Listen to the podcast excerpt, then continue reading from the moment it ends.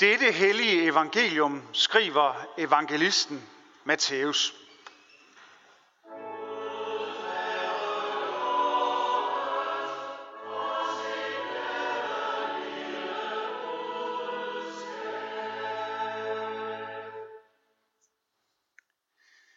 Jesus sagde, hvad mener I? En mand havde to sønner. Han gik hen til den første og sagde, min søn, gå ud og arbejde i vingården i dag. Men han svarede, nej, jeg vil ikke. Bagefter fortrød han og gik derud. Så gik øh, han hen til den anden søn og sagde det samme til ham. Han svarede, ja herre, men gik ikke derud. Hvem af de to gjorde deres fars vilje?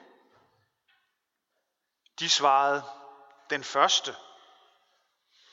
Jesus sagde til, til dem, Sandelig siger jeg, tollere og skøre skal gå ind i Guds rige før jer. For Johannes kom til jer og lærte jer vejen til retfærdighed, og I troede ham ikke. Men tollere og skøre troede ham. Og skønt de så det, angrede I heller ikke bagefter og troede ham.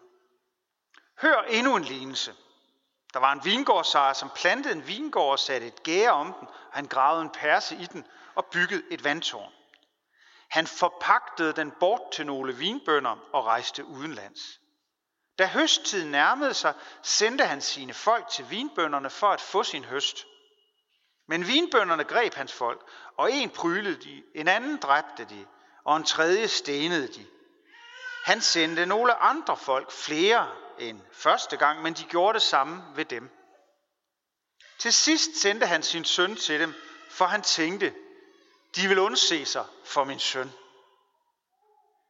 Men da vinbønderne så sønnen, sagde de til hinanden, der er arvingen. Kom, lad os slå ham ihjel og få hans arv. Og de greb ham og smed ham ud af vingården og slog ham ihjel. Når nu vingårdens ejer kommer, hvad vil han så gøre med de vinbønder? De svarede ham, et ondt endeligt vil han give de onde og overlade vinbøn, vingården til andre vinbønder, som vil give ham høsten, når tiden er inde. Jesus sagde til dem, har jeg aldrig læst i skrifterne? Den sten bygmestrene vragede er blevet hovedhjørnestenen. Det er Herrens eget værk, underfuldt for vores øjne. Derfor siger jeg jer, Guds rige skal tages fra jer og gives til et folk, der bærer dets frugter. Og den, der falder over denne sten, bliver kvæstet, men den sten falder på, vil den knuse. Amen.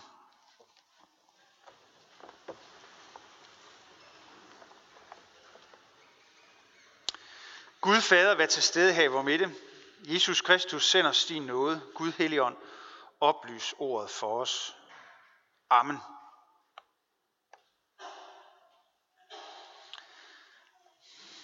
I bund og grund, så har vi mennesker alle muligheder for at leve godt med hinanden. Vi bor på en klode, som kan give føde og liv til milliarder af mennesker og trillioner af andre livsformer. Særligt da hvis blot vi mennesker vil begrænse os lidt og vores armbevægelser. Vi har en verden, hvor vi kunne leve i nogenlunde fred og fordragelighed, hvor vi respekterede hinanden og hjalp hinanden og gav hinanden plads. Og sådan er verden også. Fyldt af gode ting. Fred og hjælpsomhed og venlighed, tillid, imødekommenhed, omsorg. Vi er som øh, en frugtbar skråning, som øh, det lød i Esajas bogen i den første tekst, hvor vennen synger om sin vingård, han har plantet på en frugtbar skråning. Vi har så mange muligheder og er så velsignede af at bo der i Guds vingård. Men vingården, den blomstrer bestemt ikke kun. Den er i den grad tilgroet og overgroet og giver vilddruer og ikke vinddruer. Vores verdens vingård er hervet af krig, af klimaforandringer, af sult og undertrykkelse vold og uretfærdighed. Gud ønsker ret, men der er rigtig meget retsløshed. Han ønsker retfærdighed, men der er nødskrig. Nødskriget, det runger også gennem vores verden i dag.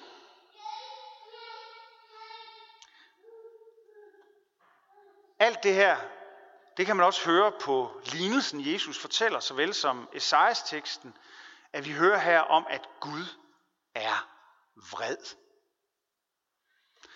I grunden kan man læse hele det gamle testamente som en lang fortælling om Guds ønske om at skabe en blomstrende have for os mennesker at bo i. Men misundelse og magtbegær og vold, der igen udløser hævn og gengældelse, har havet jorden lige siden Kain slog Abel ihjel.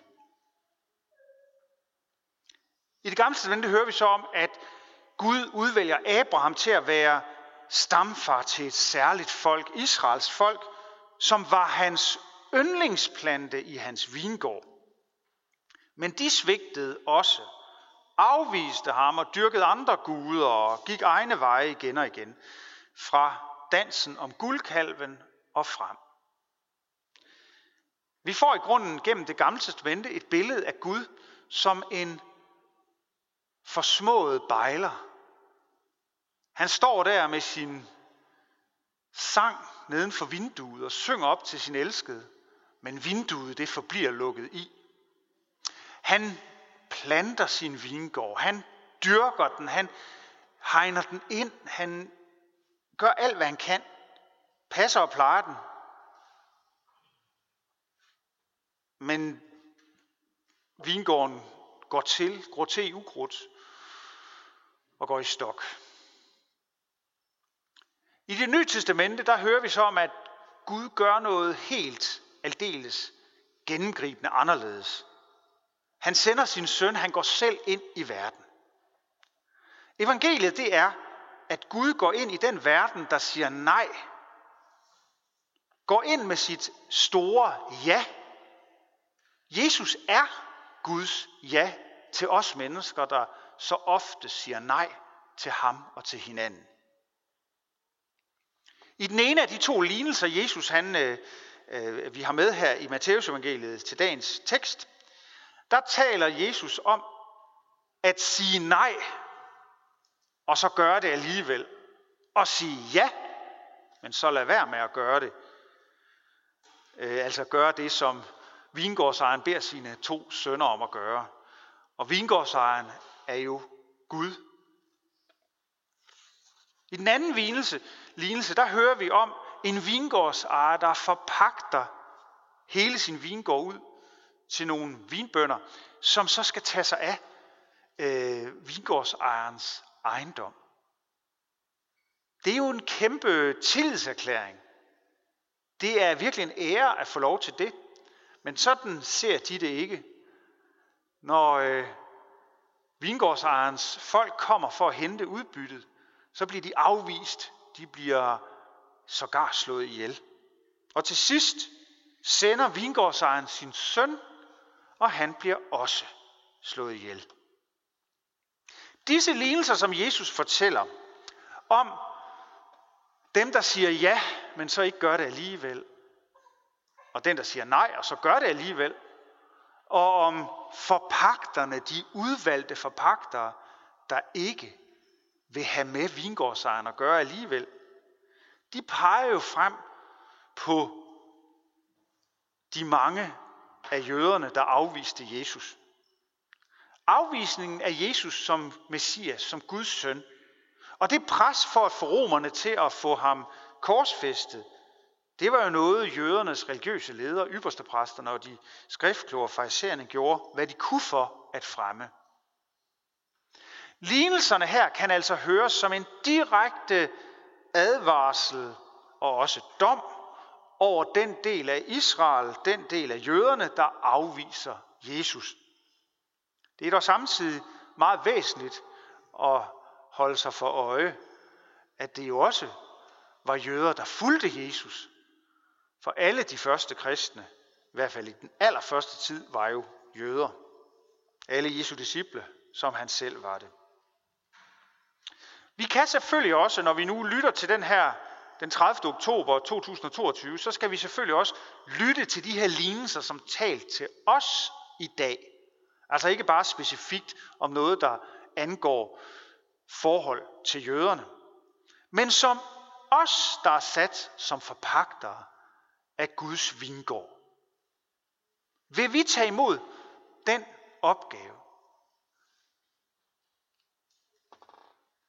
Ligesom mange dengang afviste Jesus og afviste at have noget med ham at gøre, sådan afviser vi også, også ofte Guds bud til os og hans, hans øh, opgave til os om at passe på den her verden og passe på hinanden. I grunden har vi alle det problem. Også selvom vi jo gerne vil tro, og gerne vil holde os til Gud, og gerne vil sige ja til ham, så er der så meget inden i os, der siger nej til det Gud ønsker, vi skal. Det er for besværligt. Det koster for meget. Lignelsens fokus på at sige ja til den opgave, som forpagter, som Gud giver dem, der skal passe på hans vingård, det angår selvfølgelig også os. Men lad os alligevel lige vende tilbage til det specifikke. Altså problemet med det udvalgte folk. Yndlingsplanten, altså Israel. Hele den religiøse elite havde altså afvist Jesus over en kant på nær nogle få undtagelser. Og det er også noget, Paulus han funderer over i den tekst, som Pia læste op. Der funderer han over, hvad skal der ske med det Israel, der i så stort tal har afvist og vil have noget med ham at gøre. Det Israel, som, som ikke vil vide af, at Jesus skulle være den lovede Messias. Paulus han holder i Romerbrevet fast i håbet. Han siger, Gud har indesluttet alle, det vil sige både jøder og alle andre. Han har indesluttet alle i, i ulydighed for at vise alle barmhjertighed. Paulus fastholder altså, at også for Guds udvalgte folk, der har valgt ham fra, de skal vælges til af Gud. At indeslutte alle i ulydighed, det er et underligt udtryk. Men hvis man er indesluttet i ulydighed, altså så at sige er i samme båd fælles om at være ulydige, ja, så er vi også alle dømt. Og det er, hvad Paulus mener, er jeg sikker på. Gud fælder dom over både jøder og alle andre. Og dommen, den skal falde også over mig. Vi kan ikke tænke os en kristendom uden dom. For det, at vi bliver dømt, det holder os fast på den skyld, der er vores. Gud er ikke sådan en Gud, der siger, pyt med det og videre, lige meget. Gud fremtræder i de beskrivelser, der er i det gamle testamente i høj grad, som en lidenskabelig Gud, der elsker sine mennesker, elsker sin verden, som lider, når vi gør hinanden ondt, når vi gør os selv ondt, som lider, når vi gør skaberværket ondt. For så gør vi jo Guds børn og Guds skaberværk ondt. Når vi bliver dømt af Gud, og når Gud dømmer os altså, så er det imidlertid ikke for at få sat et punktum i forholdet mellem mennesker og Gud. Han dømmer vores domme over hinanden. Han dømmer vores selvretfærdighed, vores had, vores fordomme, vores dogenskab og vores selvoptagethed. Han dømmer vores materielle begær, som jo helt ærligt også er ved at ødelægge den klode, vi bor på. Han dømmer vores malighed. Han dømmer vores mangel på ja. Alle vores nejer til ham og til hinanden. Han dømmer os for at få os til at indse vores fejl, vores afhængighed af hans tilgivelse og kærlighed. Han dømmer os for at gøre os fri i dommen. Ja, altså, som Paulus siger det, han har indesluttet alle i ulydighed for at vise alle barmhjertighed. Der er sådan en ubrydelig treklang i kristendommen, som hedder bud, dom og noget. Budet, det er befalingen til os. Det er vores opgave. Det er det, vi får at vide, vi skal gøre. At vi skal få den opgave at bære kærligheden ud i verden og undgå det onde. Dommen, det er konsekvensen, når vi ikke gør det. Det er, når vi afviser, når vi går vores egne veje og glemmer andre. Nåden er, når vi tages tilbage af kærlighed og får en ny mulighed. For Gud giver os igen og igen en ny mulighed. Og giver os igen og igen budet om at gå ud og bære kærligheden ud til andre mennesker. Bud, dom og noget. Du er dømt, og du er benådet, og du er elsket, og du er sendt ud med kærligheden. Om lidt skal vi synge Lars Busk Sørensens Menneske, din egen magt. Og jeg vil slutte med et par vers derfra. Det er sagt til os mennesker. Du skal bringe verden fred, dagligt brød og kærlighed. Livets Gud har dine hænder. Derfor er det dig, han sender, når dit næste lider nød.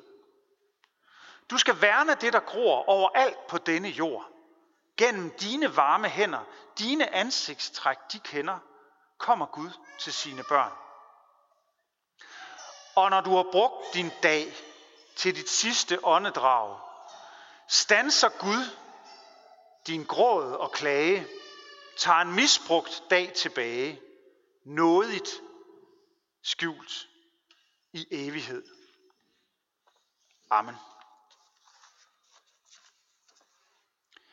Lov og tak og evig ære være dig, hvor Gud, Fader, Søn og Helligånd, du som var, er og bliver en sand i Gud, højlovet for første begyndelse, nu og i al evighed. Amen. Hellige Gud og himmelske Far, vi lover og tilbeder dig, som i godhed har skænket os livet og alle dets gaver. Vi takker dig for jorden, som du har skabt. Lær os at tage vare på den. Vi takker for dig for vores medmennesker, som du har givet os at dele livet med.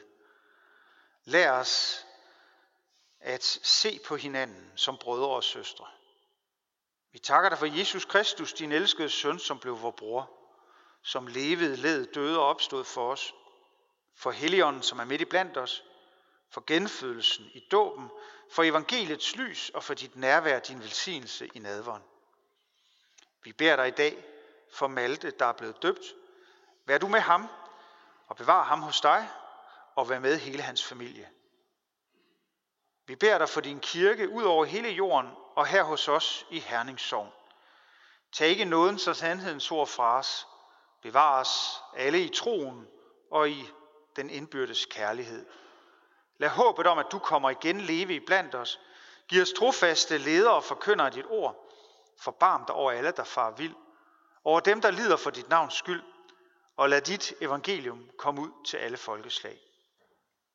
Vi beder for vores hjem og vores kære, for vores daglige liv med hinanden i arbejde og fritid. Vi beder dig om fred mellem nationerne og for folkenes regeringer. Vi beder dig for befolkningen i Ukraine. Skab du fred og forsoning og retfærdighed der. Vi beder dig også for fred og forsoning og retfærdighed mellem israelere og palæstinensere. Vi beder dig om for alle mennesker, der lever i ufred rundt omkring på vores klode. Vi beder dig også for Danmark bevares som et folk blandt folkene, og vi beder for alle lovlig øvrighed og for alle med ansvar i vores samfund. Vi beder for dronning Margrethe og hele det kongelige hus, for regering, folketing, domstole, regionsråd og kommunalbestyrelsen. Giv dem troskab og visdom til at forvalte deres magt og viden til værn for de svage og til gavn for alle. Vær nær hos fattige, forpinte, bedrøvede, mennesker, der sidder i fængsel, mennesker, der er flygtet fra deres hjemland eller hjemmeegn. Vær nær hos forladte og ensomme, dem, der mangler det nødvendigste til livets ophold, syge, dem, der skal dø, og dem, der har mistet.